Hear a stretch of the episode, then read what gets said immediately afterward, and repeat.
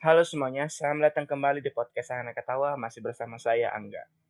Ini adalah segmen episode ketiga dari Geng Bang. Nah, sebenarnya di segmen Geng Bang ini kan kami fokusnya ingin membahas One Piece gitu.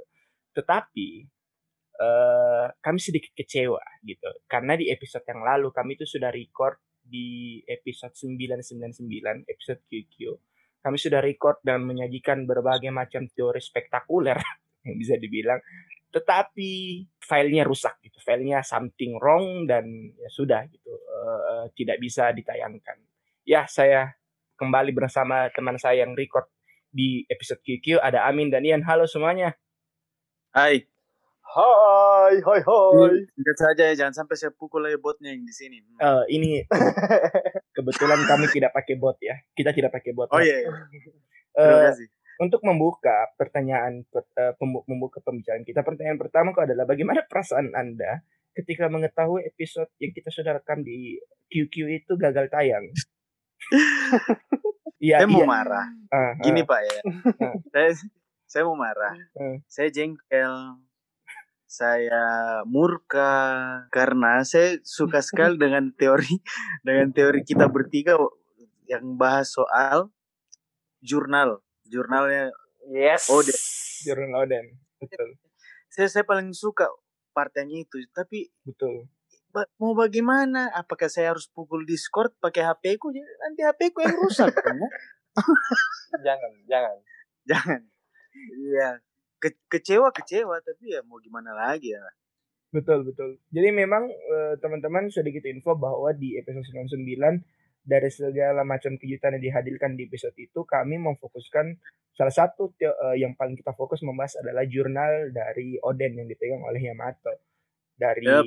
dari scene itulah memunculkan banyak sekali teori-teori liar gitu kan. Dan menurut kami bertiga waktu itu uh, teori-teori yang, yang kami hasilkan itu sangat menarik untuk dibagikan dan teman-teman tahu. Karena seperti yang uh, kami semua sepakati itu seperti menjadi maksimal gitu. Kami betul-betul memaksimalkan apa yang kami punya, mengeluarkan semuanya dalam menyajikan teori. Nah, salah nah untuk Amin. Min, apa teori yang paling menarik dari uh, jurnal Odin yang kita bahas kemarin itu? yang paling kau sayangkan orang-orang tidak bisa dengar. Yang yang paling saya sayangkan itu pertama tentang uh, isi isi jurnal isi jurnalnya Odin masalah poneglyph, masalah hmm. One Piece. Kan harusnya ada tuh. Menurutku, hmm. nah menurutku harusnya ada karena dia kan secara sudah sudah ikut sama Roger dan setelah tahu spoiler chapter 1000 kalau Odin juga prediksi 20 tahun ke depan, waduh. Lebih gawat lagi. Iya, iya betul betul. Maksudku begini, maksudku uh, berarti memang ini jurnalnya Odin bisa jadi kitab suci lah bisa dibilang untuk menuju ke iya, iya, iya. Holy Bible uh. yes. Karena dia dia berisi info tentang masa lalu dan yang akan datang jadi keren lah. Makanya menarik sekali ini sebenarnya jurnalnya Oden. Lebih menarik dari jurnal Risa tuh. Wah ah. da, da, da, da, da. kembali lagi jokesnya tetap dipertahankan. Mungkin gara-gara kita bahas jurnal Risa kali ya, iya, ya jadi oh shit. Tiba-tiba cracknya pun enggan ki Betul. aduh aduh aduh muka kesurupan kayaknya. Kerennya langsung keluar. Aduh aduh. Cari masjid sholat dulu. Panas panas tengkukku ini. Aduh enak ini. Ay. Itu nih mungkin. Nah uh, jadi teman-teman di episode QQ itu atau chapter QQ itu ke 999 kan memang uh, entah kenapa padahal uh, scene untuk jurnalnya Odin itu sebenarnya tidak spesifik muncul kan. Kita cuman kayak mencocok-cocokkan atau mencari panel-panel kecil saja. Bukan itu yang jadi highlight utama di, di chapter itu. Tapi, ya awalnya awalnya. Awalnya tapi entah kenapa itu menjadi menarik. Nah salah satu yang paling menarik adalah salah satu teori kami bertiga uh, itu adalah soal bagaimana uh, jurnal dari Oden itu bisa menjadi panduan untuk menuju Raftel gitu kan. Bisa menjelaskan apa isi poneglyph sehingga jika jurnal itu dipegang oleh orang tepat yang ingin menjadi raja bajak laut, maka bisa dikatakan dia tidak perlu poneglyph lagi karena semua panduannya ada di jurnal itu. Ada di dalam jurnal ya. Betul, ada di dalam jurnal itu. Maka karena daripada itu, karena kita tidak perlu lagi jurnal, ya sudah artinya kita tidak butuh poneglyph. Eh, sorry, kita tidak butuh poneglyph, artinya kita tidak butuh orang yang bisa membaca. Maka salah satu teori dari kami adalah menyepakati bahwa jikalau harus ada yang mati di topi jerami, maka kita sepakat itu adalah Robin. Tapi dengan catatan Yamato bergabung plus buku jurnalnya, begitu kan? Ya, betul. itu, itu itu memang salah satu uh, kan karena kan begini uh, teman-teman semua yang mendengarkan bahwa sejak awal uh, segmen geng-geng ini dibuat atau untuk membahas One Piece saya secara pribadi selalu melemparkan isu siapa yang meninggal gitu isu tentang siapa di jeram yang meninggal memang menjadi isu yang paling hangat dan kami terus pelihara setiap minggu setiap chapter siapa yang meninggal siapa yang meninggal dan dan sejak awal uh, saya memang mencalonkan uh, siapa namanya Chopper gitu. Ian Chopper. Ian kalau nggak salah Usop ya Ian, yang jika yeah. harus mati kalau tidak salah ya. Atau yang harus mati misalnya. Ian Usop, Ian Usop. Ian Usop. Saya uh, saya perjelas dulu sebenarnya oh. Waktu itu belum belum belum jelas siapa yang mau saya pilih. Hmm, hmm. Tapi yang saya yakini kalau kalau memang uh, mau bikin gempar One Piece Universe ya hmm. harus dari lima teman lima pertama, pertama. ya eh, lima pertama. Hmm, hmm. Nah, karena menurutku semua punya peran penting kecuali Usop. minta maaf, minta maaf ya, minta maaf ya, minta Kamu maaf, berdosa mas. banget. berdosa? Minta maaf ya Usop. Jadi jadi saya pilih Usop saja ah. waktu itu. Nah betul, Yan Usop. Cuman, cuman yang perlu digarisbawahi yang saya yakini adalah salah satu dari five lima OG. pertama. Betul, hmm, five, five OG. Five OG. Nah, uh, jadi kami semua, uh, jadi uh, Ibe pun kayak lupa Ibe pilihan siapa tapi kami semua mengeluarkan nama. Nah, sementara Amin sejak awal tidak mau mengeluarkan nama karena dia meyakini bahwa harusnya tidak ada yang mati kan begitu. Dia dia bahkan yeah, yeah, dia bahkan tidak berani memprediksi nama nama siapa pun. Dia cuma kayak e, mati ya Kit lah, siapalah, siapalah, aliansi lah bukan dari kelompok topi jerami sendiri. Sampailah di episode kemarin, di chapter kemarin ketika uh, teori soal buku jurnal dari Oden itu muncul. Lalu diberikanlah kami berargumenlah memberikan teori-teori bahwa harusnya kan buku itu sangat penting ini ini dan sebagainya. Siapa tahu juga sebenarnya uh, jurnal itu menjelaskan One Piece itu sebenarnya tidak bukan hal paling utama dalam pencarian menjadi raja bajak laut kan gitu.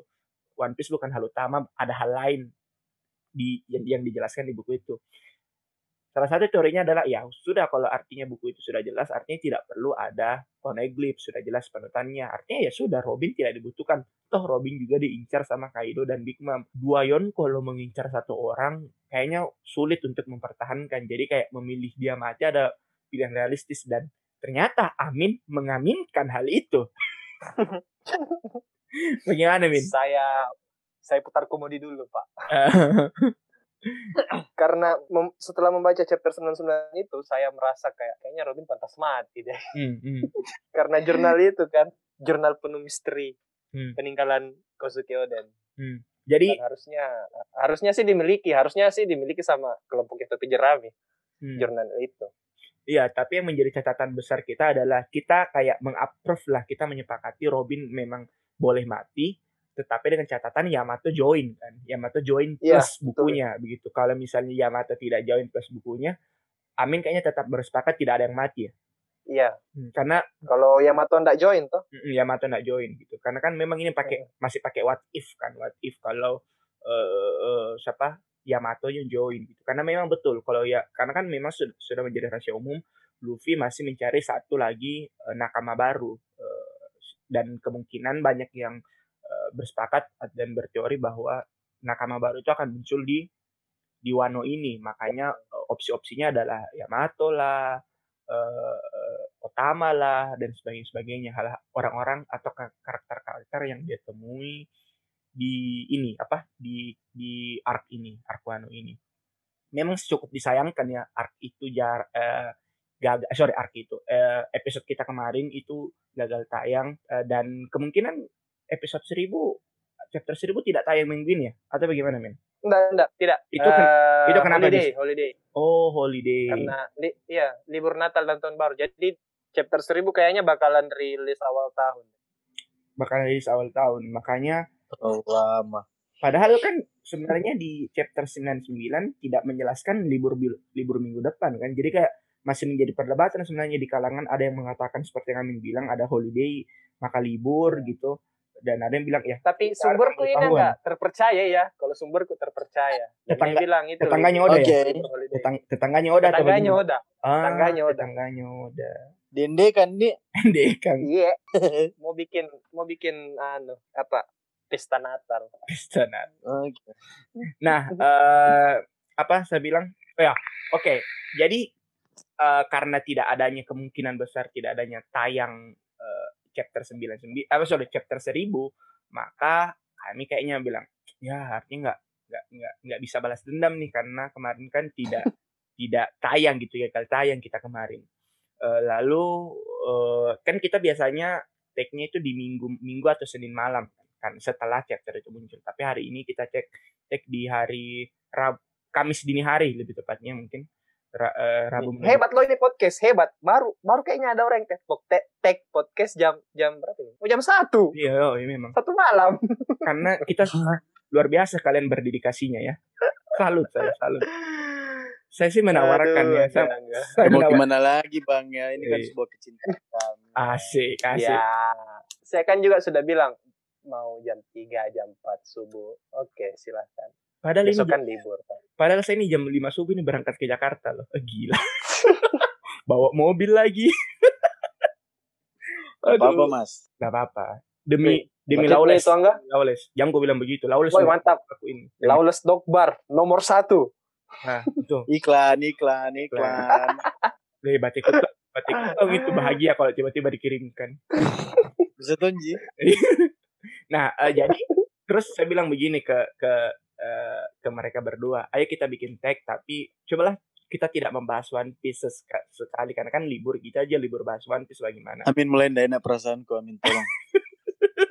Nah sama. Saya juga mau bertanya tadi sebenarnya tapi biar tidak begini. Jadi pilihan ini jatuh kepada uh, kalian. Tunggu tunggu tunggu tunggu tunggu tunggu sebentar. Tunggu tunggu tunggu. Sabar sabar Amin. sabar. Sabar sabar sabar. Iya. Saya saya tuh masalahnya hmm. biar kau tanya juga ke Angga tadi sebelum kita mulai ini apa yang akan dibahas malam ini pilih eh, jawabannya itu cuma dua eh. dia akan bilang rahasia sama dia akan berbohong dengan jawabannya Iya juga Kalau enggak tuh selalu menyusahkan. Aduh, apa ya, nih? Ya, tidak. Maksudnya begini, apakah kalian uh, ingin masih membahas One Piece atau biarkan ini menjadi freestyle tuh. Ini saya menawarkan nah, dengan sejujur-jujurnya. Karena kalau saya karena karena ini kan bukan jadwal tahu untuk bahas One Piece, ya enggak apa-apa aja sih. Freestyle oh, iya, lah. Asik. Saya juga terima aja. Asik, asik. apa kemauanmu? Siap ya. Ian siap Tunggu ya. tarik napas dulu. tidak lebay. tidak, tidak. Tunggu saya kasih saya kasih bagus-bagus dudukku dulu kalau gitu. tidak, jaringan, ringan. Karena enggak, iya ringan, tapi tadi kisi-kisinya kok bilang masalah politik? Aduh. Hmm, betul. Singgung. Oke, karena sebagai pembuka Amin membahas masalah politik. Mari saya melemparkan pertanyaan, pertanyaan pertama untuk untuk masih kalian, mau Amin. untuk kalian berdua. Begitu. Jadi di negara tercinta kita Indonesia per tanggal 20 berapa? 23 23 Desember 2020 terjadi sebuah uh, pergolakan politik di negara ini itu akibat adanya buy one get one. Buy one buy one get one ini adalah ketika Pilpres 2019 dua calon yang bertarung memperebutkan kursi kekuasaan secara tiba-tiba di, di, di di reshuffle pertama dari uh, periode kedua Jokowi itu ini uh, menggandeng uh, Sandiaga Uno masuk ke jajaran menteri sehingga yang sebelumnya menemani Prabowo yang sudah menjadi menteri di uh, pertahanan gitu. Nah, menurut kalian berdua uh, dari pandangan apakah langkah politik Jokowi ini tepat mengambil kedua uh, uh, lawan politiknya dan merangkulnya sebagai teman? Hmm. Dari Ian dulu. Dari Ian dulu. Jam satu malam loh. Jam satu malam. Begini nah. Ya. Kalau kalau kalau saya bahas politik sejujurnya hmm. politik tidak terlalu penting buat saya tapi hmm. Hmm. saya saya suka dengan dengan langkah Jokowi yang sekarang ini hmm. kenapa itu dan karena saya kemarin kemarin mal kemarin malam reshuffle ya kan? Eh kemarin malam betul. Kemarin malam terus saya kebetulan lagi main Twitter toh. di situ saya lihat ada orang retweet tweetnya uh, tweetnya siapa gitu namanya. Hmm. Terus dia tulis di situ kalau kau tidak bisa kalau kau tidak bisa menang melawan musuhmu masuklah kau jadi bagian dari pasukannya. Iya betul betul. Betul. Baru fotonya fotonya foto dari meme-nya itu Prabowo sama Sandiaga Uno. Jadi kayak uh. wah memang betul. Kalau kau kalau kau tidak bisa kalahkan dia. Jadi kau bagian dari dirinya. Betul betul. Nah, Jokowi mengambil Prabowo dan Sandi menurutku menurut gue ya bagus-bagus aja sih kayaknya. Karena yeah. kita tahu Prabowo Prabowo sebagai mantan apa sih dia dulu? Mantan jenderal juga. Pangdam apa eh Pangdam. Kostrat hmm, Kostrat Kostrat apa sih? Kayak begitu. kayak kayak begitulah. Kostrat uh, Kostrat. riwayatnya dia di eh anu ini apa sih? Kopassus. Kopassus ah. hmm, pokoknya pokoknya itulah. Hmm. riwayat riwayat dia di di militer sangat akan membantu dia di posisinya sebagai menteri pertahanan. Hmm. Nah kalau Sandi Sandiaga Uno dia jadi apa? Menteri apa? Minecraft, Minecraft. Ganti, pariwisata yang kreatif. Pariwi, pariwisata iya, dan ekonomi kreatif. Iya. Ganti Wisnu, Wisnu Utama tuh. Ah, betul ganti Wisnu Utama. Wisnu Utama. Itu juga masih masih bagus sih karena latar belakangnya Sandiaga Uno pun dia kan berangkat dari pebisnis juga yang kita tahunya tuh. Yang saya tahu ya. Hmm, hmm, hmm. Masih bukan masih sebenarnya memang langkah yang bagus sih. Hmm, tapi gitu. menurut oh, iya oke okay, oke. Okay kalau menurut Mumin, apakah ini menjadi tidak tidak apa ya? Apakah ini tidak menjadi uh, uh, pandangan buruk kepada kepada kita masyarakat karena melihat tidak adanya pendidikan politik di sini. Maksudnya kan bisa ditahu gara-gara pilpres banyak orang uh, terpecah belah gitu, saling mencaci maki dan ujung-ujungnya mereka saling merangkul di atas gitu. Sementara kita nih yang di bawah kebanyakan orang-orang sudah saling gontok-gontokan kan bahkan saling mengkafir-kafirkan. Nah, apakah ini tidak menjadi e, menambah apa kebingungan di kalangan masyarakat menurut dengan dengan keputusan uh, dari Jokowi? Kalau saya menurutku tuh keputusannya Jokowi memang sudah sudah sudah tepat nih hmm. untuk merekrut hmm. Sandiaga Uno dan Pak Prabowo. Hmm. Nah, yang jadi masalahnya di sini uh, sikapnya Pak Prabowo untuk bergabung ke kabinetnya Pak Jokowi. Hmm. Kalau kalau kita di mata awam tentang politik dan hukum, maksudnya ih oke okay, milah gitu. Maksudnya ih bagus sih itu kalau Prabowo mau ji ini mengalah tuh hmm. dan uh, turunkan egonya dan masuk di pemerintahnya Jokowi. Tapi kalau hmm. secara politik tuh itu kayak apa cacat begitu. Hmm. Cacat-cacat politik lah ceritanya. Karena dia ini kan rivalmu begitu. Betul. Hmm. Jokowi ini rivalnya Prabowo kan sudah dari dulu kita tahu. Dari dulu. Dan dia kayak iya dari dulu. Dan dia tiba-tiba bersedia untuk masuk ke jadi jajaran menterinya. Iya, jadi bawahannya. Para maksudnya begini, mungkin uh, Prabowo lovers ap apakah nama anunya kalau Prabowo enggak ada jadi Prabowo iya, lovers buat buat, buat, buat pecinta Pak Prabowo saya bilang bawahan ya. bukan merendahkan ya Iya, orang bukan bukan maaf untuk Jokowi. Betul, betul. Iya, maksudnya maksudnya begini uh, Prabowo garis keras sahabat yang Prabowo. dari dulu sudah ikut ya Prabowo hardline guys guys hati-hati guys maksudnya begini maksudnya uh. yang sudah mengikuti jejaknya Prabowo dari dulu yang betul-betul uh, fanatik sama Prabowo hmm. pasti kecewa pasti hmm. kecewa ketika tahu uh. kalau Prabowo masuk di jajarannya Jokowi hmm. Tapi kita lihat lagi begitu maksudnya Prabowo kan punya ini punya keahliannya di bidang di bidang kemiliteran kan? Jadi, iya. jadi nilai plus juga.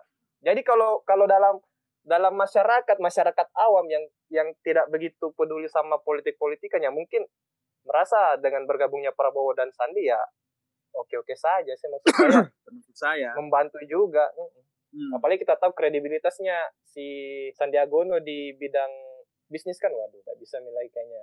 Maksudnya oke okay nih top tier iya, lah. bener, salah satu investor ngeri juga sih. Karena kan uh, kan yang yang di ini ekonomi kreatif kan. Bagaimana dia hmm. selama pandemi itu menggalakkan namanya UMKM pakai produk lokal brand lokal. Itu kan yang digalakkan yeah. oleh Sandiaga gitu. Nah apakah langkah tunggu tunggu tunggu, uh, tunggu sebentar. Uh, saya saya mau jadi tambahi uh, tambahi dari yang pertanyaannya Angga ke Amin tuh. Uh, uh. maksudnya ini juga harusnya bisa jadi tamparan sekaligus pelajaran buat kita semua? Buat Iya buat kita semua sebagai yang yang mem, yang yang memilih presiden. Hmm, yang fanatik-fanatik begitu ya. Iya iya ini ini tuh jadi pelajaran sekali karena uh, sadar sadar mau saya. Dari dari sini saya kau lihat nih sebenarnya apa pun yang terjadi di antara mereka itu secara kasar bisa bilang sandiwara. Itu itu semua se, se, iya sandiwara settingan di jadi ya buat ke depannya lebih lebih santai lah tidak perlu sampai akhirnya pecah belah antara saudara teman keluarga. Kan Betul. banyak yang seperti itu kemarin. Banyak banyak, banyak dengar juga yang kayak sampai ndak enakan sampai iya maksudnya ndak enakan sama sepupunya mungkin atau teman kerjanya mungkin cuman karena berbeda pilihan calon presiden waktu itu itu kayak hmm. ih eh ndak penting sekali sumpah. Betul betul. Betul. Jadi pelajaran yang kita sih saja berharap nanti di tahun 2024 ya pemilu lagi. Iya. Ah, me ya. memang 2024 pemilu lagi. dan, pemilu ya, lagi di 2024 maksudmu apa Iya, saya lupa begitu. Jelas terdengar pintar tapi ternyata bodoh juga ya. Iya, bilang. saya, saya, saya, harap di 2024 pemilu lagi. Ya memang. enggak, enggak maksudnya. Nah, saya harap di pemilu 2024 tidak tidak terjadi seperti yang pemilu kemarin. Oh, betul, betul. Iya, dan dan maksudnya para pemilih agar lebih pintar Dewasa. lagi lah mengevaluasi dan dan dan melihat situasi. Jangan jangan terlalu uh saya ini fansnya ini jadi lawannya ini. Dan dan para pengikutnya adalah orang-orang bodoh dan itu ya tidak ya. perlu. Karena mereka mereka itu tidak tidak peduli dengan apa yang kita lakukan di bawah. Betul betul. Sepakat. Karena mereka itu sebenarnya di atas Apalagi, saling berangkulan iya hmm. betul. Apalagi Indonesia sekarang sudah ini loh saya nggak tahu uh, penobatannya kapan itu 2019 2019 kayaknya 2019 dia masuk negara paling santai di dunia. Oh iya tersantai. Di bawahnya itu ada Australia kalau nggak salah di bawah baik. Maksudnya paling santai dalam ya. artian apa ini? Saya nggak tahu dah, dalam artian apa. Cuman di situ cuma tertulis negara paling negara paling santai sedunia. Pokoknya di nomor dua itu ada Australia nomor tiga saya saya lupa apa. Tapi jadi maksudku Ya hmm. sudah Mila, kalau isu-isu politik ya jangan juga terlalu bagaimana. Serius. Kita bisa, uh, santuy kita bisa santai saja tapi ya dengan berpikir yang lebih bagus. Karena uh-huh. karena bahkan waktu waktu pemilu presiden Amerika kemarin saya Betul. dapat lagi tweet yang orang di sana celah politiknya Indonesia. betul betul. Yang, yang waktu Trump umumkan dia menang padahal belum ada hasil hasil pasti. Itu itu banyak banyak orang sana uh, pemerhati politik di sana yang yang sudah berkomentar di Twitter ini akan ini akan akan sangat mirip dengan yang terjadi di politik ini, Indonesia. ini, gitu. Uh, si si A mengaku bahwa dia sudah menang padahal belum ada hasil yang pasti Hmm. Terus ada lagi yang yang komen di bawahnya itu itu kalau kalau baru itu saja itu belum cukup untuk jadi politik di Indonesia. Hmm. Kecuali menjadi menteri angkat jadi menteri pertahanan itu baru mirip Indonesia. Wow. Saya, sampai saya baru jadi, bilang jadi bahan guyonan. Betul, betul. Negara kita di, yeah. di luar sana. Betul, betul. Saya baru mau bilang begitu tadi apakah Trump bakalan masuk ke kabinetnya Joe Biden? Kayaknya hal itu hampir mustahil deh gitu. Bagaimana kontranya uh, Demokrat dan Republik di sana kayaknya sangat sulit. Trump mau keluar dari Amerika deh. Jadi warga Jamaika bagaimana? Israel Nah, kan tadi ini sudah disinggung soal politik 2024 gitu. Nah, menurutmu nah, menurut kalian berdua ini, Uh, jadi kan Jokowi ini pasti hampir nggak mungkin maju gitu, nggak mungkin maju. Iyalah, ada sudah uh, dua kali. Dua periode. Walaupun nah ada ada wacana akan ada tiga periode, tapi itu kan kayak kalau hmm. itu iya serius ada wacana di DPR untuk menjalankan merubah undang-undang menjadi maksimal tiga periode. Iya kita Puan harus. Maharani meminta untuk ditinjau kembali untuk uh, presiden tiga periode. Betul. Tapi saya kira itu sangat uh, gila kalau itu terjadi. Dan mari kita yeah berasumsi itu tidak terjadi karena kalau itu terjadi maka selamat datang di dunia otoriter di Indonesia. Betul. Betapa kita kembali Urba, kita Urba kita poin dua. Uh, kita kita mundur, kita mundur bertahun-tahun untuk uh, melegalkan kepemimpinan. Semoga itu tidak terjadi tentu saja.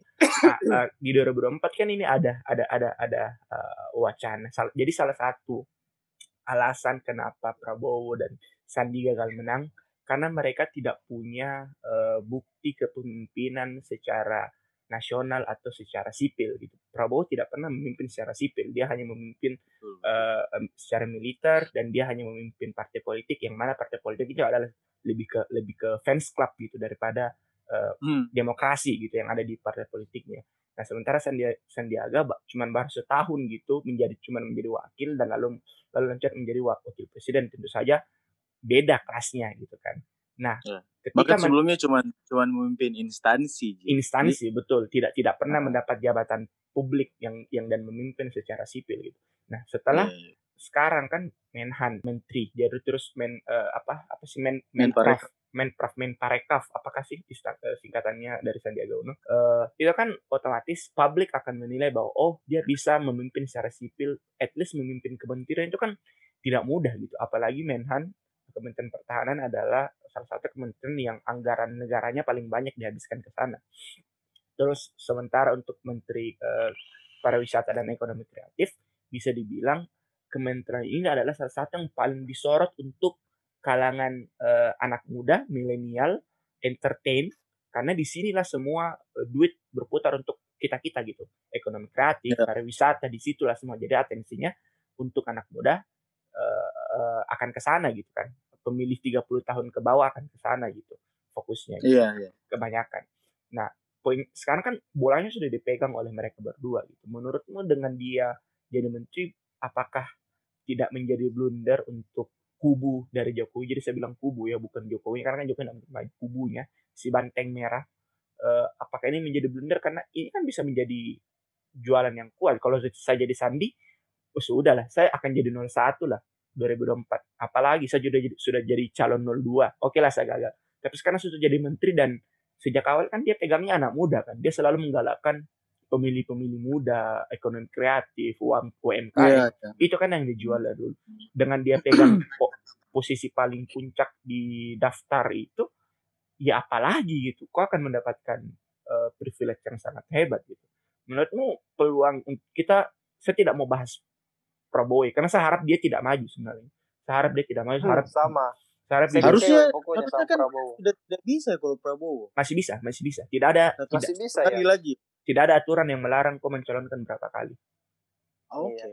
Karena secara aturan pun dia cuma baru mencalonkan tiga kali, satu kali menjadi wakil, dua kali menjadi uh, presiden gitu. Walaupun, oh iya benar. Jadi benar. tidak sebenarnya tidak tidak masalah gitu kan. Nah, eh, kembali lagi ke poinku adalah saya tidak mau bahas Prabowo. Saya harap dia tidak maju. Saya harap anak-anak muda yang maju. Bukan anak muda sih. Uh, warga warna-warna baru. Kita sudah enak 10 tahun terakhir. Muka-mukanya itu saja yang dilihat sangat memuakkan tentu saja dari 2014. Nah, misalnya kita sekarang bahas Sandiaga Uno nih. Seberapa besar peluangnya yang kalian lihat Sandiaga Uno untuk maju menjadi uh, presiden di 2024 dengan segala macam privilege yang dia dapatkan hari ini? Menjadi menteri dan Saya dulu. dukungan publik. Ya silakan Ian dulu. Sikat Ian. Maafkan kami nah. uh, saya saya mau jawab yang pertanyaan pertama yang enggak. Hmm. Uh, apakah ini menjadi sebuah blunder? Hmm, betul. Buat banteng merahnya yang tadi tuh kau bilang. Hmm, hmm. Kalau kalau melihat dari sisi rivalitas, hmm. ya ini ini memang blunder sih sebenarnya. Hmm Hmm. Iya. Kenapa blunder ya? Kenapa blunder ya? Karena itu uh, uh, kok secara sadar atau tidak kok kasih memang jalan buat Sandiaga Uno hmm. untuk lebih bisa lebih bisa mendapat perhatian dari warga Indonesia sendiri. Hmm. Nah kalau kalau bahas soal kansnya Sandiaga siapa Sandiaga Uno untuk jadi calon 01 di tahun 2024 saya rasa akan jadi sangat besar sih hmm. dengan posisinya sekarang. Akan dan dan ini memang akan sangat sangat sangat sangat sangat membantu kalau kalau memang Sandiaga Uno mau maju lagi jadi calon presiden. Hmm. tuh sekian. Dari Amin? Kalau saya juga setuju sama Ian. Maksudnya karena saya sebenarnya kemarin waktu pemilu 2019 sangat tertarik sama Sandiaga Uno sih. Hmm. nah untuk maju hmm. saya awalnya saya berharap dia jadi wakil begitu hmm. Iya, iya. Saya iya. berharapnya dia jadi mencalonkan juga 01. Hmm. Cuman karena dia lebih memilih untuk jadi wakil ya tahun 2024 saya harap dia bisa calonkan jadi 01. Jadi iya, stepping karena, up the game. Apa ya? saya suka cara ininya, apa cara-cara berpikirnya dia hmm. tentang UMKM, uh, meningkatkan kualitas produk lokal. Hmm, Makanya saya makanya saya sangat sangat ini sangat garis mau dibilang garis keras juga tidak lah. Maksudnya saya sangat respect lah. Mendukung, ya, saya sangat mendukung da dan respect kalau si Sandiaga Uno maju maju untuk pemilu 2024 jadi presiden. Dan memang betul uh, saya juga sebenarnya sepakat dengan kalian berdua uh, bisa dibilang salah satu uh, uh, dari keempat calon yang kemarin di 2019 hanya Sandiaga Uno yang saya suka secara personality gitu. Bagaimana secara dia iya. membangun uh, apa ya image, mem, uh, visinya, komunikasi itu yeah. itu saya saya pegangnya dia gitu dan uh, ju, jujur tuh lebih honest ini saya saya kemarin coblosnya dia yang saya coblos dia sama no. sama sama saya coblosnya hmm. dia bukan karena 01 nya tapi karena dianya hmm. gitu uh, sama, tapi ya ya sudahlah itulah yang terjadi gitu dan dengan dia menjadi calon uh, menteri eh sorry menjadi menteri dan menjadi kuat kandidat kuat untuk di 2024 saya kira salah satu-satunya mungkin uh, alasan untuk saya tidak memilih di 2024 adalah pemilihan wakilnya. Kalau dia tidak blunder dari pemilihan, pemilihan wakil, hampir Betul. hampir dipastikan suaraku ke dia sih. Oke. Dengan dengan maksudnya semoga tidak semoga tidak ada blunder-blunder. Oh iya. Tadi. Gitu. Saya tambahin juga maksudnya hmm. uh, dan dan maksudnya untuk untuk kita sebagai warga Indonesia hmm jadikanlah uh, kita jadikan ini sebagai bahan evaluasi untuk ke 2024 kita bisa di sini kan kita sudah bisa lihat bagaimana kinerjanya si siapa si Sandiaga Uno nanti mm -hmm. kan bagaimana dia memimpin bagaimana dia memecahkan masalah bagaimana mm. dia kayak gitulah pokoknya mm -hmm. ini kita jatuhnya kayak jadi fans club Sandiaga Uno ya padahal tidak ada tidak ada. Tidak ada iya. iya juga sih. iya tapi maksudnya kalau saya kalau saya melihat, secara personality memang. Betul. Maksudnya isu secara personality uh, apa kinerjanya Bapak Uno juga memang digemari kok sama semua orang. Ya. Yo iya betul. Mungkin lah mungkin menurutku gini. Menurutku gini mungkin karena dia lebih muda dan lebih terbuka pikirannya ke anak muda. Iya lebih dapat ke kita. Gagasan-gagasannya tentang perekonomian lokal Kreatif, gitu. Betul. Itu saya saya suka sekali anu ya program-programnya. Hmm, ya menarik sih melihat apa yang nanti dia lakukan di di 2024 gitu. Oke, intinya begitu. Kita sih berharap inti di 2024 ini akan menjadi uh, warga kita uh, kita semua menjadi lebih dewasa dalam menentukan pilihan.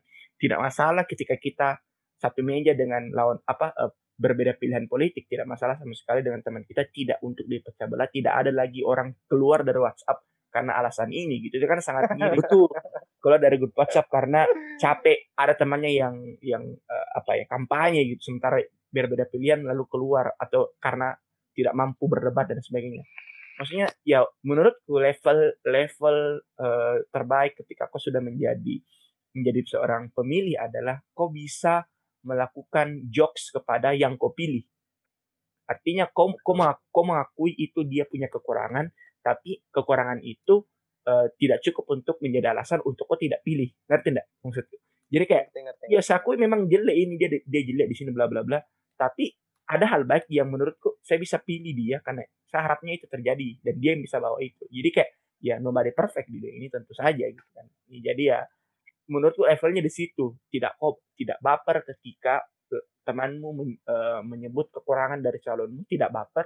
Kan dia calon gitu karena betul-betul pembelajaran tahun ini 2019-2020 menjadi pembelajaran untuk kita semua bagaimana apa yang kita lakukan di pilpres kemarin perdebatan panjang gitu. Karena saya sendiri di 2019 just for info untuk teman-teman semua uh, saya kebetulan mendapat amanah untuk menjadi panitia pemilihan luar negeri gitu kan pemilu di luar negeri di Malaysia di KBRI ini Tian uh, bagaimana yeah. uh, bagaimana kan banyaknya TKI TKI warga-warga Indonesia yang betul-betul sangat fanatik ke salah satu pihak itu betul-betul KBRI waktu itu halamannya yang cukup tidak terlalu luas memang tapi dipadati hampir ribuan orang untuk memilih bagaimana panas-panasnya antusiasnya orang-orang dan meneriakkan dan saling saut-sautannya bahkan ada konfrontasi di luar KBRI infonya uh, antar dua kubu gitu bayangkan. Itu kan sangat tidak biasa. Iya uh, jadi itu yang saya rasakan bagaimana dan itu menjadi uh, guyonan di sekarang di di teman-teman saya yang sesama panitia bahwa ya terus kita kemarin kerjanya ngapain? Ujung-ujungnya mereka semua bersatu jadi seperti buy one ya. get one gitu kan. Uh, ya lucu-lucuan saja gitu dan yang terbukti yang itulah dan, hmm? menurut kita enggak sepertinya uh, harus begitu memang sih harusnya begitu memang euforianya berpolitik ya. betul iya sih uh, iya memang harus memang. seperti itu uh, apa atmosfernya hmm. tapi uh, lebih ke arah positif harus, gitu Iya betul harus harus harus uh, digarisbawahi bahwa yang kalah harus menerima. Betul betul. Tidak ada ricu kan di Jakarta kan sempat ricu. Iya. Kan? Eh bukan lagi sempat ricu. iya ricu. Bahkan maksudnya kan uh, di Malaysia itu atau uh, uh, spesialnya di Kuala Lumpur itu kan ada pemilihan ulang gitu. Ada pemilihan ulang karena uh, mungkin teman-teman bisa uh, ingat ada berita uh, apa kantong surat suara yang sudah dicoblos duluan itu kan ketahuan dan itu dilakukan pemilu ulang dari pemilu ulang ulang itulah dengan mata saya sendiri melihat bagaimana segala macam kepentingan terlibat di situ jadi itu yang kayak wow itu cukup mm, cukup membuat saya bisa digantung kalau menceritakan itu secara on air tentu saja gitu jadi kayak jadi kayak intinya uh, tidak ada yang bersih di dunia politik Indonesia gitu Betul. Iya, semua kotor. Tapi ya kan kalau kotor ada yang bisa dicuci. Tapi, tapi maksudnya bahkan bahkan bukan cuma di Indonesia saja di mana-mana. Ya betul betul. Bahkan di film-film saya sudah dikasih lihat ya. Betul, politik betul. itu tidak ada yang bersih. Betul, karena kan pada dasarnya politikus itu berjuang atas kepentingannya, kepentingan kelompoknya gitu. Kalau kau tidak masuk ya. dalam dalam uh, uh, kelompoknya yang dia bawa kepentingannya, maka kau terus ya, akan hmm, akan akan selalu menjadi merasa terzolimi karena kau tidak masuk dalam kelompok yang dia bela gitu harusnya kan ya tapi ya memang begitu adanya kita tidak mau kita harus bilang adil dan sebagainya tapi pada akhirnya seperti itulah. Jadi ya kedewasaan para pemilih sih sebenarnya. Iya makanya kan. Mm harus harus berlapang dada. Betul. Yang kalah harus menerima yang menang. Betul sesimpel itu sih. Sesimpel itu. Nah, uh, ada yang satu saya uh, cermati juga di di pemilihan di reshuffle kemarin adalah ketika diganti selain Sandiaga Uno masuk ke jajaran uh, kabinet itu ada satu yang menjadi kayak menjadi doa untuk semua orang gitu untuk semua orang uh, bagaimana Menkes akhirnya diganti. Uh, Menkes terima kasih ya enggak dari tadi saya mau bahas Menkes saya bahas singkat aja. Men iya Menkes yang di awal tahun bilang ini hanya kita tidak perlu panik, kita cuma perlu uh, uh, apa tidak perlu panik pakai masker hanya untuk orang yang sakit, lalu diaminkan oleh beberapa orang yang bilang ya kita cukup cuma cukup makan nasi kucing, kita cukup berdoa saja virus itu tidak masuk dan sebagainya. Bahkan ada dari guyonan salah satu menteri yang bilang corona itu tidak akan bisa masuk ke Indonesia karena perizinannya sulit. What the fuck man?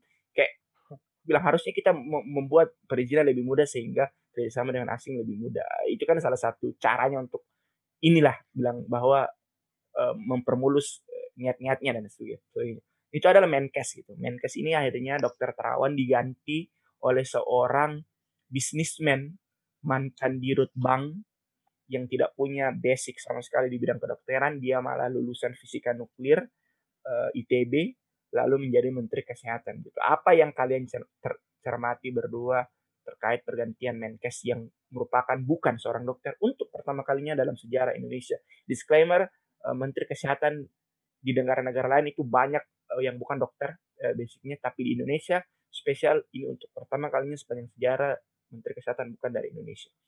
Apa komentar kalian melihat perubahan ini? Siapa? Amin dulu mungkin. Apa ya? Sebenarnya begini, untuk Pak Terawan lah, uh, saya tidak pro, maksudnya saya enggak, saya mau bilang dia jelek juga tidak mau bilang dia bagus juga tidak karena banyak kesalahannya dalam berbicara di depan publik hmm. itu itu kesalahan paling fatal menurutku sih betul. sebagai seorang menteri betul uh, blunder dalam menyampaikan sebuah informasi hmm.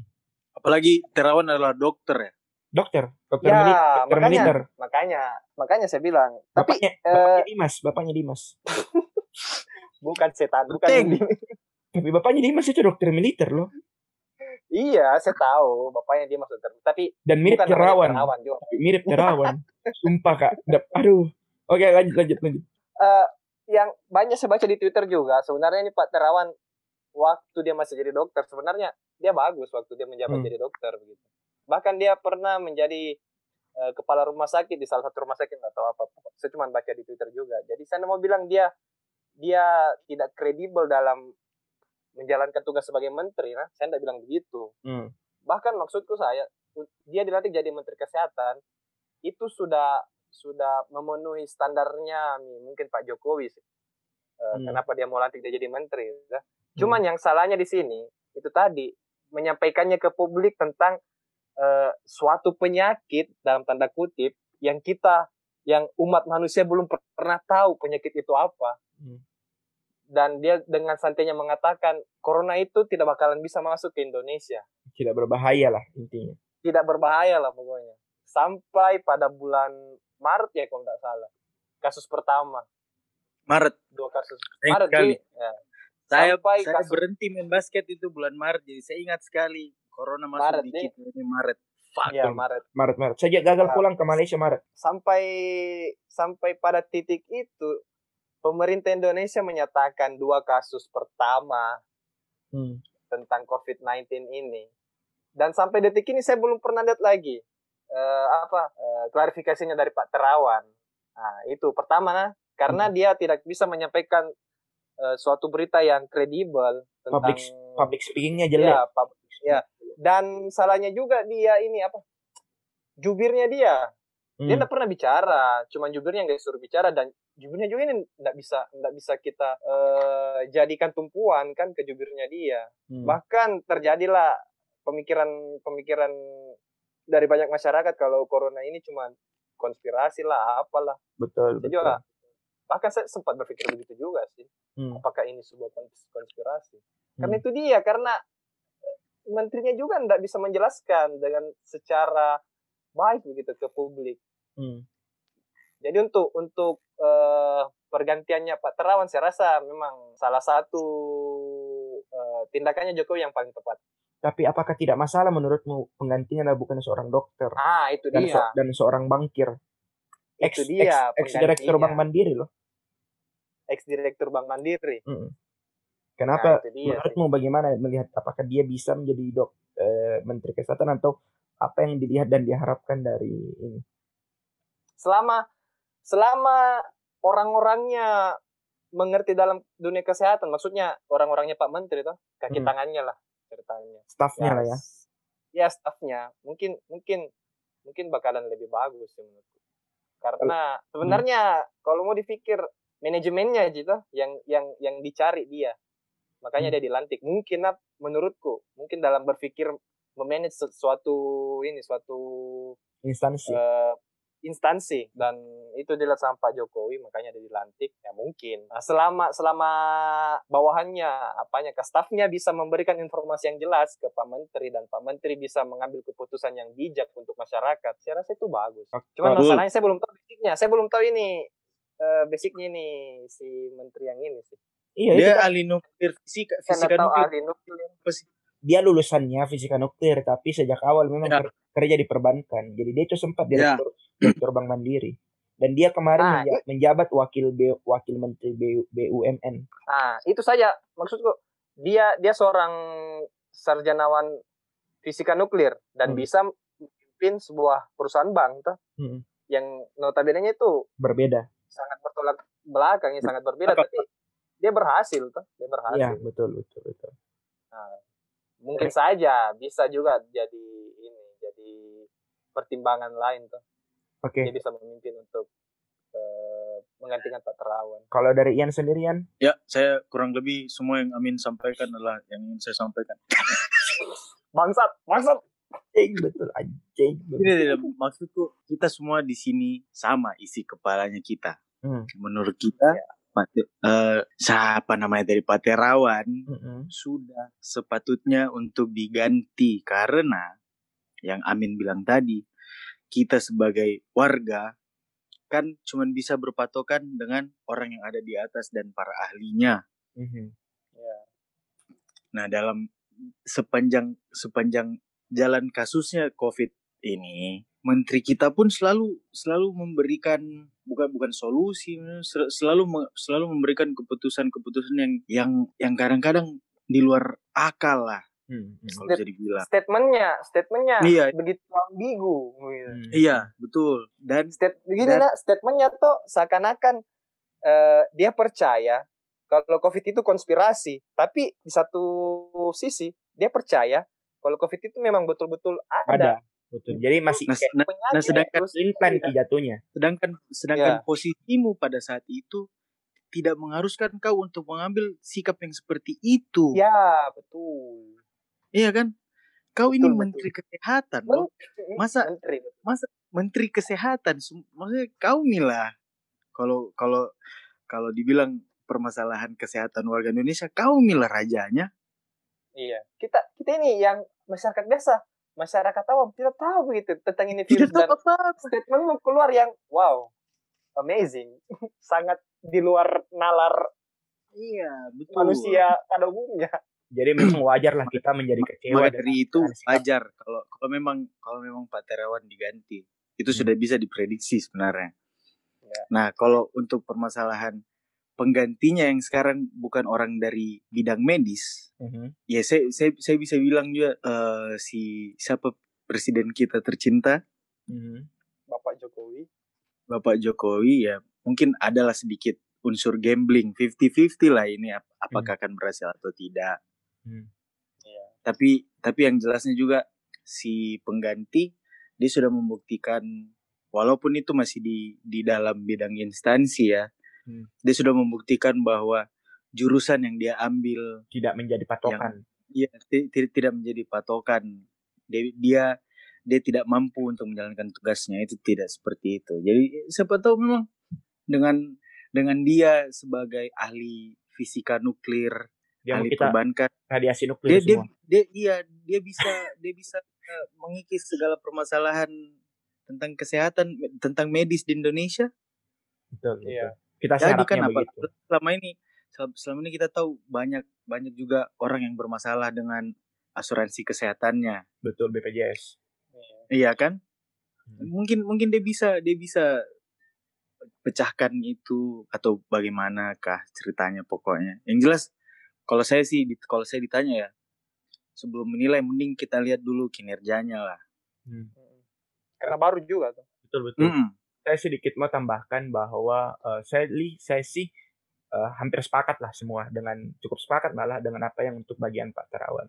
Untuk dengan mensi menteri baru ini uh, saya lebih ke positif sebenarnya melihatnya. Iya benar. Karena begini angin kenapa, segar lah ya. Iya angin segar karena kenapa kan memang harus menteri kesehatan dokter?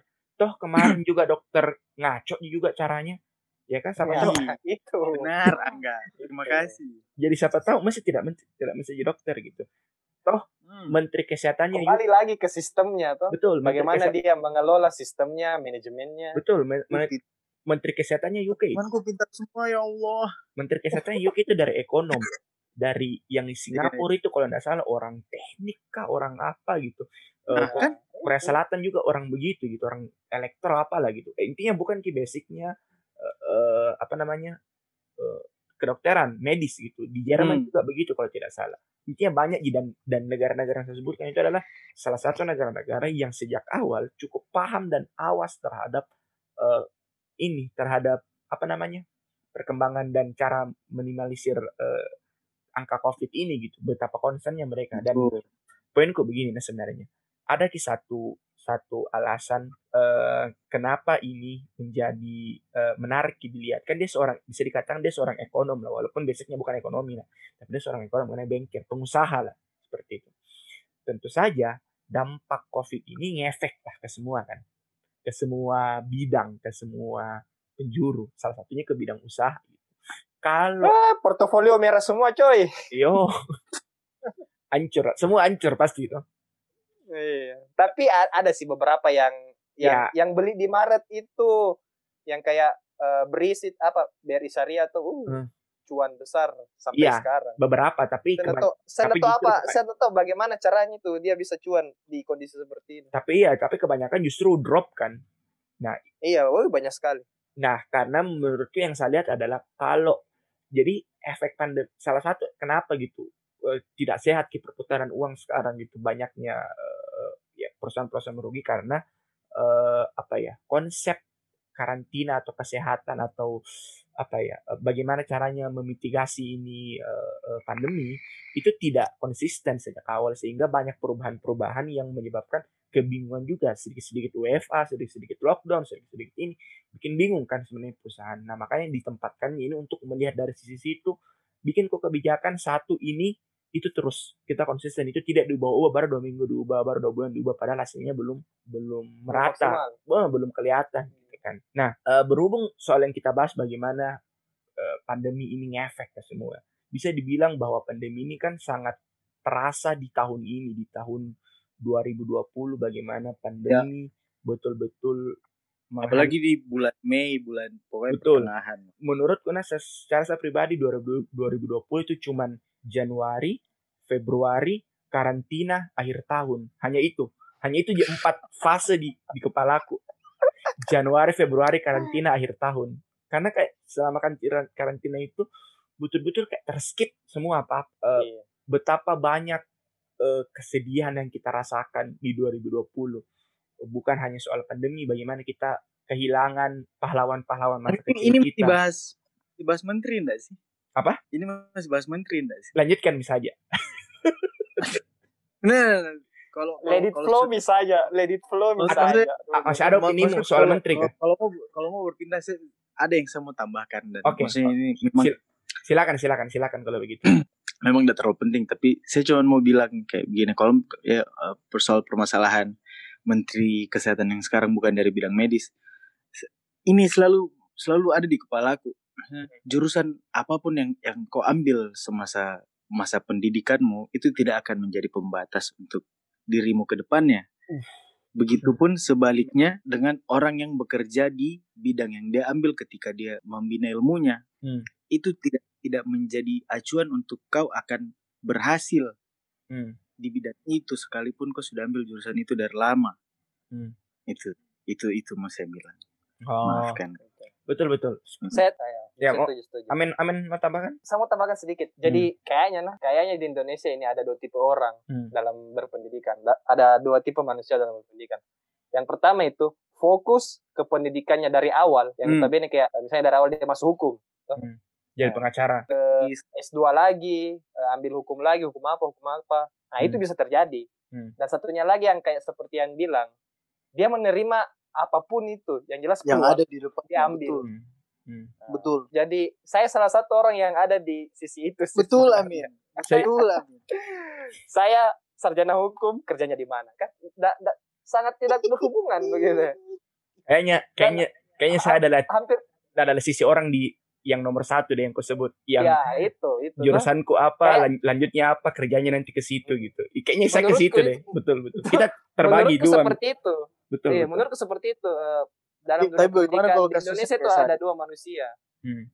ada dua manusia uh, tergantung tipenya dia bagaimana. Apakah dia memang dari awal ah maksud sudah terjun mah ini sudah yeah, iya. semata kaki nih. Wah anjing saya uh, iya maksudnya salah salah deh. Kenapa yeah. sekalian nyeburkan langsung? Betul betul. Nah, betul. ada tipe-tipe orang yang ay bahasa mak sudah milih mak deh mau pergi yeah, di iya, gunung betul, lagi ah betul, kayak betul, gitu. betul. Gila, gila. tapi tapi bagaimana kalau misalkan orangnya seperti saya?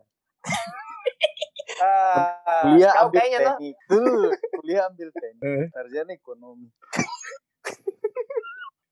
kuliah teknik sarjana ekonomi luar biasa. Pekerjaan sekarang menyanyi. Itu menunjukkan bahwa anda multi talenta pak. Ya ya. Itu itu kembali kembali yang ke ke ini ke uh, manusia yang berpendidikan di di mana dia mau mengeksplor tuh sebenarnya. Iya sih. Jadi sebenarnya ada tipe-tipe orang yang berpikir ah pendidikan. Maksudnya yang kayak begini lah. Saya ndak saya ndak uh, menjatuhkan ke orang-orang yang betul-betul mau fokus ke satu tujuan. Nah, saya tidak so, iya, gitu. Betul. Hmm, hmm. Cuma saya, saya bilang saya, ada ada tipe-tipe orang yang memang mau eksplor dirinya lebih jauh lagi gitu. yang tidak yang tidak pernah bisa aduh, apa di ay, cukup nilai ilmu kok di sini. Mau ke ilmu yang lain gitu. Apakah betul, saya cocok betul. di sini? Menurutku itu. Nah, betul sepakat ya sebenarnya bilang bahwa memang apa yang kita pelajari hari ini uh, sebagai mahasiswa mungkin dulu itu memang bisa jadi tidak terpakai ketika kita masuk ke dunia kerja. Bukan tidak terpakai sepenuhnya lebih kepada berbeda ki seperti yang Amin Amin jelaskan iya lebih lanjut. Akan kan dan banyak hal seperti itu kita temukan gitu kan. Nah banyak uh, banyak. banyak. Nah kembali lagi ke ke ke yang saya ingin bahas adalah bagaimana 2020 efek pandemi itu menghantam kita gitu. Menghantam uh, keseluruhan bagaimana industri Oh, uangku hampir habis gara-gara pandemi. Betul, sepakat ya. Uh, Ian yang seorang pekerja kreatif sangat terganggu gitu kan. Mungkin Amin yang uh, juga sedikit uh, perusahaannya mengalami sedikit penurunan ya karena efek pandemi ini gitu kan. Uh, terus saya yang yang seorang sebagai mahasiswa uh, apa uh, yang berbeda negara internasional juga mendapatkan uh, efeknya gitu. Jadi semua semua aspek gitu, mau dari entertainer, mau dari pengusaha, mau dari pegawai biasa atau yang menjadi status mahasiswa atau pelajar pun mendapatkan aspek gitu. Belum lagi berita-berita duka bagaimana 2020 merenggut banyak orang yang kita kagumi. Sebut saja di awal hmm. tahun kita sudah kehilangan Kobe Bryant kan. Kita sudah kehilangan, ah, iya kan kita sudah kehilangan Kobe Bryant di awal di awal tahun 2020 yang itu menjadi pukulan telak bagi seluruh pecinta basket dan pecinta olahraga secara umum gitu kan. Terus di pertengahan tahun kita tahu penyanyi favorit Indonesia, salah satu penyanyi favorit Indonesia, Glenn Fredly, ya kan Glenn Fredly juga. Legend. Ya. Legend, legend semua itu uh, meninggal juga gitu kan. Lalu di akhir tahun bagaimana dunia sepak bola berduka, Diego Armando Maradona pun meninggal gitu. Jadi kayak dan selain tiga tokoh besar yang saya bilang ini banyak sekali tokoh-tokoh lain yang yang yang yang pergi di 2020. Selain kepergian, 2020 itu menyisakan banyak sekali uh, kesusahan secara pribadi, struggle lah untuk kita semua. Nah, topik utama yang ingin saya tanyakan ke teman-teman sekalian atau ke Amin dan Ian adalah apa yang terjadi dengan 2020-mu? Bagaimana kau menyikapi dan bagaimana kau menghadapi 2020? Ian, Ian saya dulu. Silakan. Ya, Ian. Ini adalah topik utama ya. yang ingin saya bahas, teman-teman. Asu. ya, uh, kan dari tadi kita sudah bahas uh, tentang bagaimana pandemi mendampak di pekerjaan dan profesi kita masing-masing toh. Secara tidak langsung kan? Betul. Jadi sekarang yang saya mau bahas pandemi dampak pandemi ke saya secara pribadi. Iya uh. sebenarnya sih tidak ada. Yang tahu nah menunggu mak lagi. Yang yang saya tunggu sekali memang saya tunggu sekali nah, nah, nah, maksudnya tahun ini apa artinya 2020 mungkin, di kau gitu? Iya yeah, mungkin mungkin tahun 2020 ini adalah tahun yang yang yang betul-betul gila buat saya kayaknya. Karena hmm. karena maksudnya bagaimana bagaimana saya menghadapi ini dengan keluarga itu uh gila lah pokoknya. Dan juga bagaimana saya kehilangan beberapa apa namanya beberapa idola saya selama tahun 2020 betul-betul betul-betul terbalik lah duniaku hmm. ya me ya memang gimana sih bilang banyak banyak banyak banyak lah faktor-faktor di luar dua yang tadi saya bilang tapi sebenarnya memang ini tahun 2020 tahun paling paling parah tapi bis, hampir sedikit lagi hampir jadi tahun terbaik selama saya hidup Hmm. Sekali, jadi terburuk tapi uh, salah satu tahun terbaik nih. Iya, terburuk dengan dengan beberapa hal manis yang ikut di bawahnya hmm. tahun 2020.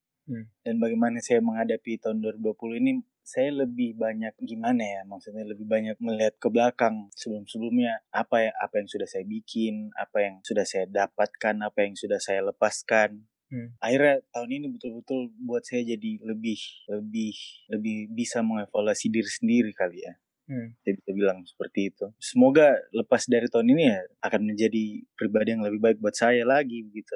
Hmm. Gitu. Jadi Kayaknya itu. Jadi bisa dibilang 2020 untuk kau yang adalah proses pembelajaran gitu kayak Iya, iya sangat sangat. Ketika sangat, ketika sangat. kita sekolah kan memang wajar ketika kita dimarah-marahi guru, dimarah-marahi karena yeah. tidak kerja PR, dihukum. Tapi di antara di momen itu juga kan ada juga momen-momen di mana kita bersyukur kita ketemu teman-teman baru, kita kita menemukan yep. lebih lebih banyak uh, kesenangan di sekolah gitu daripada jadi kan oke okay, kita dimarahi uh, di jam pelajaran tapi ketika keluar main kita bersenang-senang lagi gitu seperti itu mungkin dulu yang kau uh, ini alami ya iya seperti itu oke okay. baik tahan Tepat dulu. sekali seperti itu apalagi apalagi maksudnya selain hal-hal buruk yang terjadi di selama tahun 2020 ini banyak banyak juga banyak juga hal baik yang terjadi di saya. Hmm, Salah satunya ya saya, saya saya saya ketemu orang baru. Hmm. Mau entah itu teman ataupun pasangan. Eh. Sayang dengar. Wow. Dan juga ada bulan nih malam ini. Apakah ada bulan? Mendung nih. Eh, mendung. Kayaknya tertutup awan nih. Uh, uh. Dan juga sudah sudah sudah sudah sudah.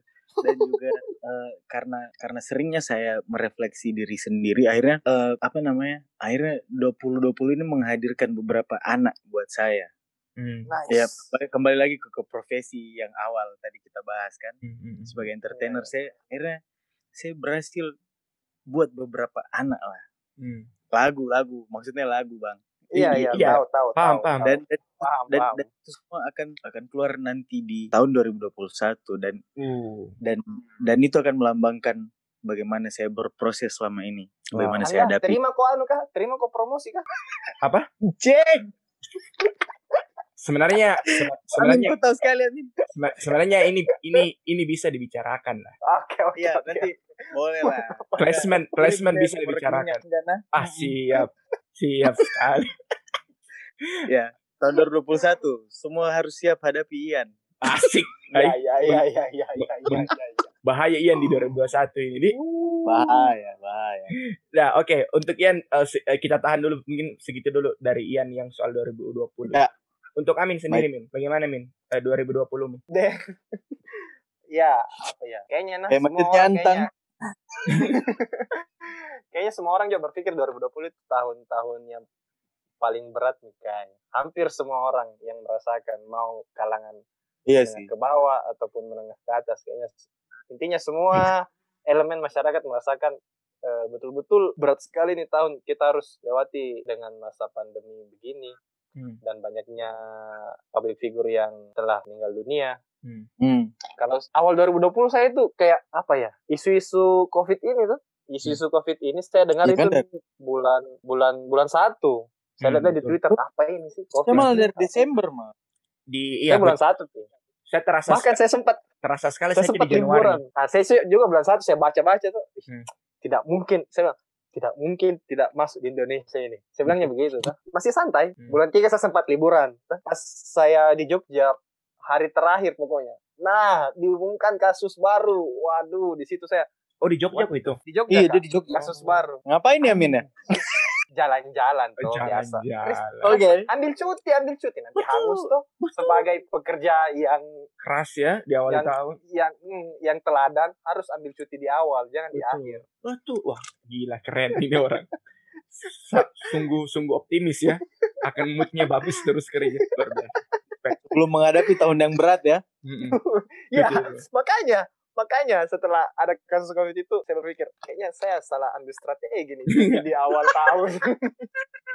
Dan uh. untuk berbentuk ekono, perekonomian menurutku boy berdampak sekali sih kalau saya karena Wah, apalagi saya kan kerjanya kerjanya di ini tuh di bidang logistik juga kan hmm. jadi sangat sangat uh, berpengaruh. Ada sekitar dua bulan itu saya betul-betul tidak ada kerjaan loh asli kosong uang sudah menipis gitu. Kerjaan juga tidak ada sampai ada kebijakan kebijakan baru eh boleh lah. Uh, maksudnya untuk kebutuhan logistik dibolehkan, tapi harus tetap mengikuti protokol kesehatan. Nah, di situ baru saya bisa bernafas sedikit-sedikit. Tapi saya ambil sisi positifnya lah, ini hmm. COVID-19.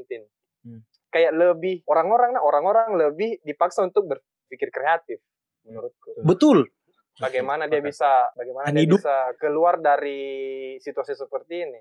Hmm. Ya. Dan harus dan mungkin lah mungkin ini cobaan juga sih cobaan dari Tuhan karena kan uh, orang bisa ditahu kemampuannya kalau memang dia dikasih ujian yang betul-betul ada nice. di titik terendahnya. Nah, nice. mungkin kebanyakan orang nah kebanyakan orang itu merasakan uh, pada saat ini maksudnya berada di titik terendahnya bagaimana dia bisa keluar dari uh, tekanan covid ini tuh. Hmm.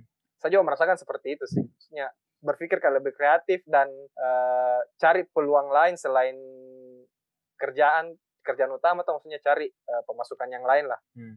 dari kerjaan utama dan saya dapat itu belajar belajar dari nonton nonton ini vlognya Raditya Di kan oh, uh, videonya investasi. ya iya banyak banyak dia share Reksadana. dia kan juga ya investasi lah investasi, investasi. dini dan saya juga ba baru terjun di sini juga dan hmm. sangat sangat menurutku nah sangat membantu lah karena tidak pernah terfikirkan sedikit pun kalau saya bakalan mau ikut uh, iya bakalan terjun ke dunia-dunia begitu tapi setelah saya pikir-pikir kayaknya perlu dia untuk ke depannya karena kan kita tidak tahu COVID ini sampai kapan hmm. dan apakah akan hilang?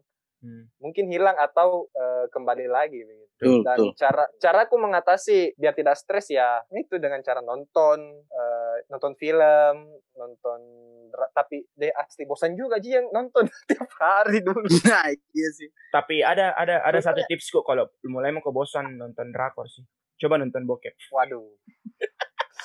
itu juga betul sih. Saya dari Aduh. tadi betul-betul aja tapi Iya, yang dibilang Angga itu betul sih. Itu tidak itu cukup tidak membosankan. Apalagi gak setiap malam atau setiap uh, minggu mungkin kau ganti-ganti ganti-ganti tema. Mungkin hari ini MILF, mungkin minggu depan adalah uh, uh, college, mungkin minggu depannya adalah blonde, beda-beda kan. Jadi variatif seperti itu.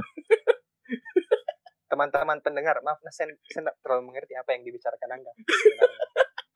Oke, okay, yakin kalau Amin itu anak yang soleh, iya. yakin lah. Bos, Soleh adalah namaku. Jadi harus kepercaya kurang soleh. iya, iya, iya, iya, iya, iya. Mantap sekali cocok cocok logi. Logi Anda. nah, oke. Okay. Gue nama uh, ada nurnya. Saya cahaya, nah mungkin saya jahat. Tapi cahaya kegelapan. cahaya kegelapan deh. Tunggu dulu, cahaya kegelapan. Waduh. Itulah hebatnya ya. Oh, sesuatu yang buruk. Sesuatu ajar kau. nah, oke, okay, uh, saya kembali ke fokus kita membahas uh, bagaimana 2020 berdampak pada hidup kita gitu. Untuk saya pribadi, thank you untuk Amin dan Ian yang sudah sharing pengalamannya di 2020 untuk saya pribadi 2020 ini sangat bisa dibilang menjengkelkan gitu. Karena untuk pertama kali setelah sekian lama di, di jadi gini sudah kapan eh saya mau bertanya dulu ke eh, ini ke kalian berdua nah kapan terakhir kali kali kalian membuat resolusi di awal tahun? Li, literally menulis resolusi awal tahun. Kapan terakhir kali kalian melakukan? Amin. Oh, ya. boleh saya yang betul-betul menulis tahun ini saya ingin ini ini ini ini ini. Tahun 2018. 2018, 2018 ya. Hmm. 2019 itu saya tidak ada resolusi. Hmm. 2020 juga tidak ada. Hmm. 2001 bakalan ada. 2021. Harus iya 2021. Ian setelah melewati masa pandemi ini tuh. Hmm. Kalau Ian kalau boleh jujur, hmm. resolusi pertama yang pertama kali saya tulis resolusi itu hmm. adalah tahun ini dan tahun ini. Hmm, anjing. Betul. Saya ingin saya ingin, serius serius saya, saya jujur. Selama selama selama bertahun-tahun saya hidup baru sebenarnya tahun ini saya saya bikin resolusi buat saya sendiri dan direcoki oleh pandemi. Covid fucking 19 ini. Betul. Saya saya 2018 dan bukannya juga resolusi yang wah-wah sekali yeah. sih. Kan bisa gitu. Tapi tercapai di 2019 tidak ada. Tapi 2020 memang saya tidak pernah berpikir kalau COVID itu ada. Bangsa. iya karena maksudnya uh, alasanku bertanya seperti ini karena betul saya sama sama kayak kalian. Uh, pertama kali kok hmm. Iya kan resolusi. Bayangkan kok ke jadi kan uh, hal yang trigger kak untuk buat resolusi adalah ketika orang uh, di Twitter sempat itu ada famous soal uh, apa yang kulakukan 10 tahun terakhir. Jadi per dekade kan hitungannya. Makanya di 2020 hmm. saya bilang, wah mau kak bikin paling rencana aku satu dekade ke depan. Bayangkan ku, buat kak resolusi untuk 10 tahun ke depan. Dan seperti kecil di 2020 karena ini kan awal dari dekade baru tuh. E, menaruh keharapan besar di 2020 dengan dengan dengan e, apa kok namanya resolusiku karena kayak resolusi e, 10 tahun ke depan kok ditentukan dengan bagaimana saya bisa menyelesaikan 2020 gitu.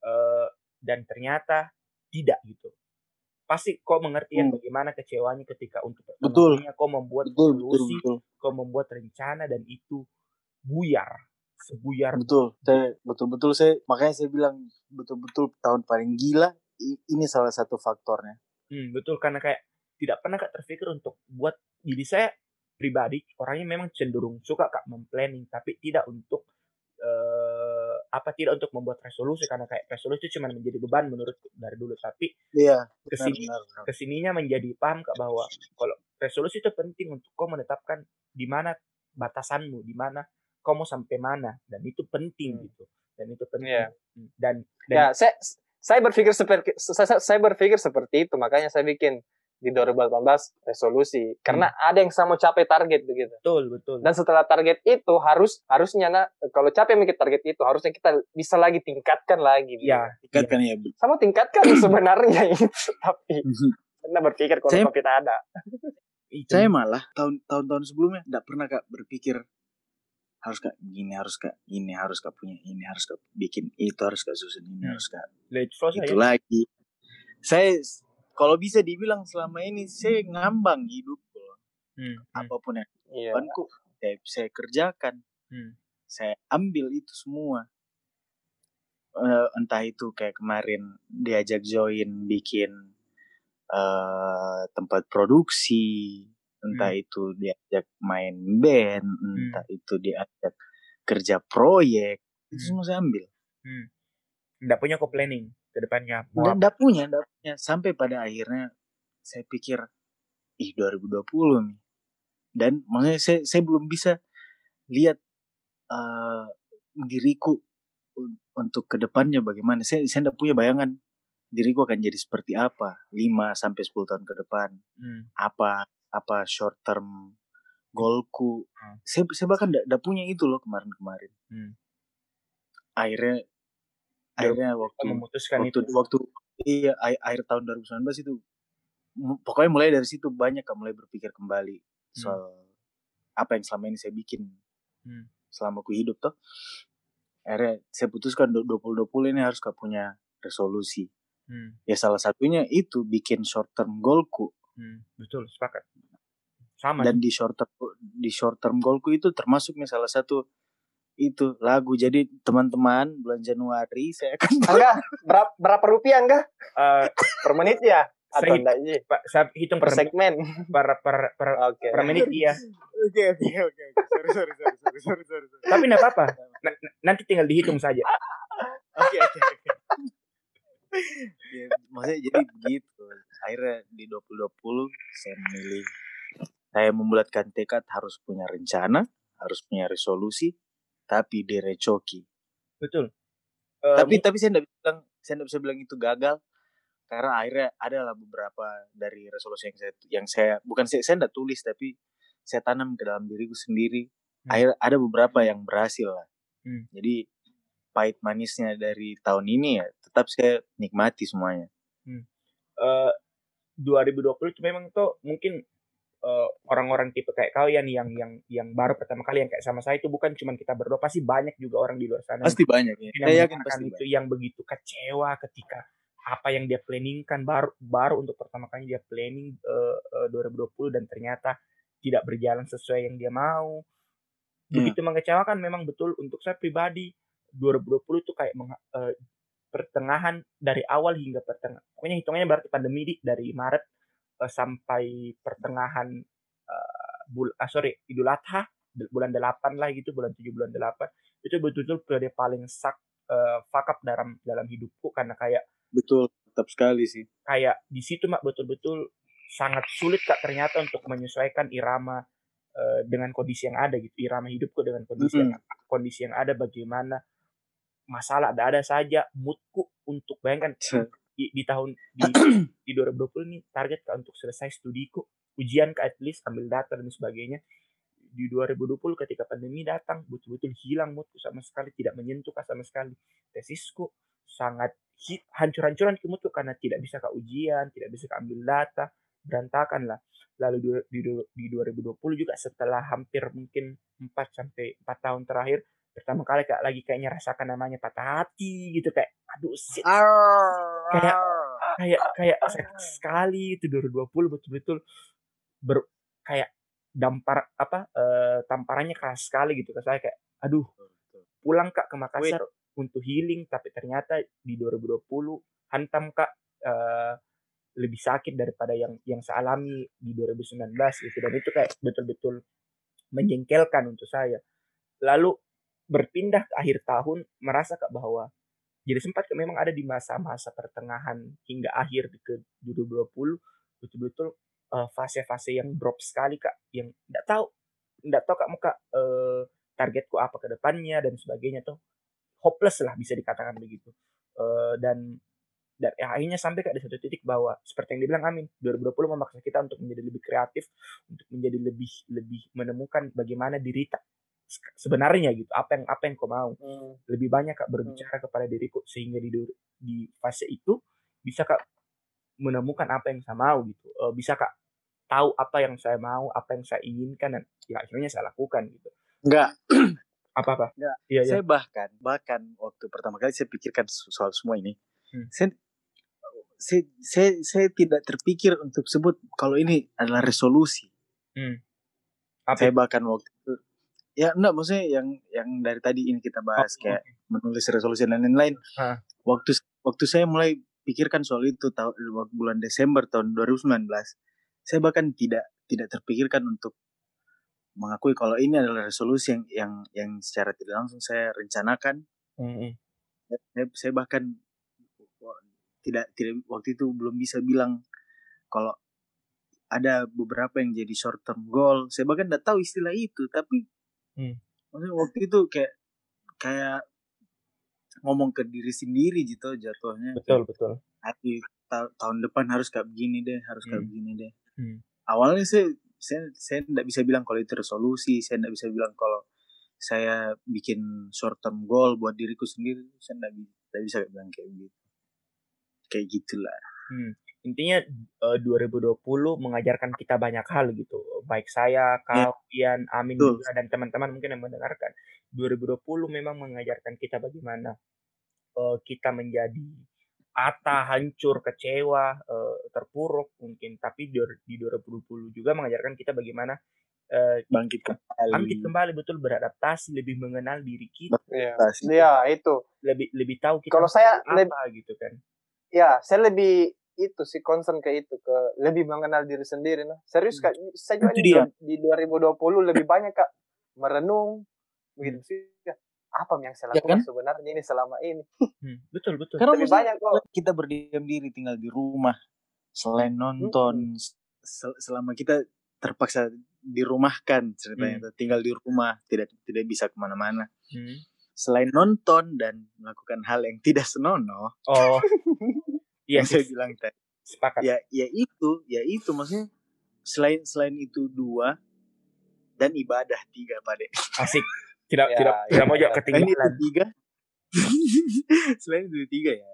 ya. Ini adalah saat buat kita refleksi kembali diri tas selama ini melihat kembali mengenali diri tas sendiri. Hmm. Seperti itulah. Hmm, betul selalu kak percaya memang bahwa setiap setiap kali kau uh, uh, ada dalam kondisi patah, jatuh, terpuruk, setiap kali itu juga kau punya alasan untuk berterima kasih. Iya, yeah, that's right. Setiap setiap kali itu juga kau dapat alasan untuk menemukan, oh sisi baiknya di mana, yang buruk memang iya, tapi selalu ada sisi baiknya. Nah, uh, hal right. salah satu uh, niatanku untuk mengajak kalian uh, malam ini untuk membahas tema adalah bagaimana kita bisa berterima kasih kepada 2020 saya tahu 2020 akan sang, uh, sangat menyesakkan untuk kita semua, bahkan yang mendengarkan. Tapi selalu saja Tapi, ada selalu saja ada hal hmm. ada hal-hal baik yang kita bisa mengucapkan terima kasih kepada saya nah, kepada kepadanya gitu. Saya, saya, saya, jujur tahun, tahun 2020 ini akan jadi salah satu tahun yang paling saya rindukan. Betul betul. Nah uh, setuju. Ketawa lucu, lucu, setuju. Memang itu itu itu, yang, yang terjadi itu yang terjadi betul. itu yang terjadi dan betul, dan betul. akan dialami beberapa orang lah. Hmm. beberapa banyak orang. Beberapa nah, orang yang banyak maksudku. Anjing kok bodoh banget sih ngomong. Nah begini nah.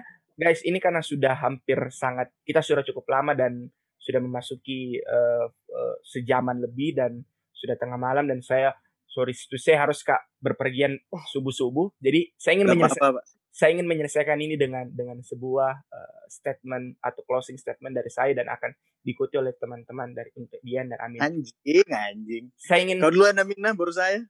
Bukan saya terakhir. Iya, oke. Okay. Nah, saya ingin mengucapkan uh, saya ingin mengajak Ian dan Amin mengucapkan terima kasih kepada 2020 lalu ucapkan alasan kalian berterima kasih kepada 2020. Uh, eh, mulai dari saya mungkin nah. Uh, terima kasih untuk 2020 karena sudah mengajarkan saya bagaimana caranya bertumbuh. Bagaimana caranya untuk terus hidup walaupun kita patah, kita jatuh berkali-kali. Bagaimana caranya kita bisa bangkit ketika semua orang tidak mau menoleh ketika kau jatuh gitu. Kau harus bangkit sendiri. It's okay gitu. Terima kasih Kak untuk 2020 yang sudah ajarkan Kak. Rasanya sakit, rasanya kecewa, rasanya berantakannya hidup. Terima kasih Kak untuk semua hal itu karena terima karena hal itu pula saya bisa belajar menjadi hari ini. Terima kasih juga untuk 2020 karena karena dengan tahun ini saya bisa mengeluarkan karya baru, saya bisa melakukan apa yang saya mau tanpa peduli omongan orang lain. Saya membuat podcast sendiri, melakukan itu sendiri, mulai lagi menulis, mulai lagi berkarya gitu, mulai lagi memikirkan planning-planning ke depannya. Selalu saja ada harapan di tengah eh, keterpurukan gitu. Hal itu semua mungkin tidak akan terjadi jika tidak ada 2020, tidak ada masa pandemi. Selalu Kak bilang terima kasih untuk 2020, terima kasih sudah belajar Kak untuk menjadi lebih bertumbuh daripada sebelumnya. Terima kasih sudah membuat Angga menjadi seperti hari ini. Is. Kacau. Aduh. Apa yang mau saya bilang kau bilang? Ah, enggak bisa, Bro. Enggak boleh. Saya juga Gak boleh. Saya juga mau bilang apa yang kamu bilang. Silakan. Ceritanya itu. Silakan Amin ucapkan terima kasih jika ada untuk 2020. Oke. Okay. Uh, eh, terima kasih untuk 2020 yang telah mengajarkan saya bagaimana caranya bisa beradaptasi dengan keadaan seperti sekarang ini yang betul-betul harus lebih kreatif lagi dan kalau tidak ada 2020 mungkin saya tidak akan bisa jauh lebih mengenal diriku sendiri Bahkan untuk mengenal diriku sendiri saja saya membutuhkan 2020. Dan apa ya? Mungkin saya akan memperbaikinya di 2021. Jadi Betul. resolusi saya mungkin di 2021 apa yang saya pelajari di 2020 akan menjadi pijakan saya di 2021. Jadi terima kasih untuk 2020. Uh. The great years ever. Ih. Good. Ya, Bapak Oke, Ian dari saya. Persilahkan. Shit. Harus di harus harus. Saya ingin berterima kasih kepada 2020. Tunggu dulu ya, koleki bulan ada enggak?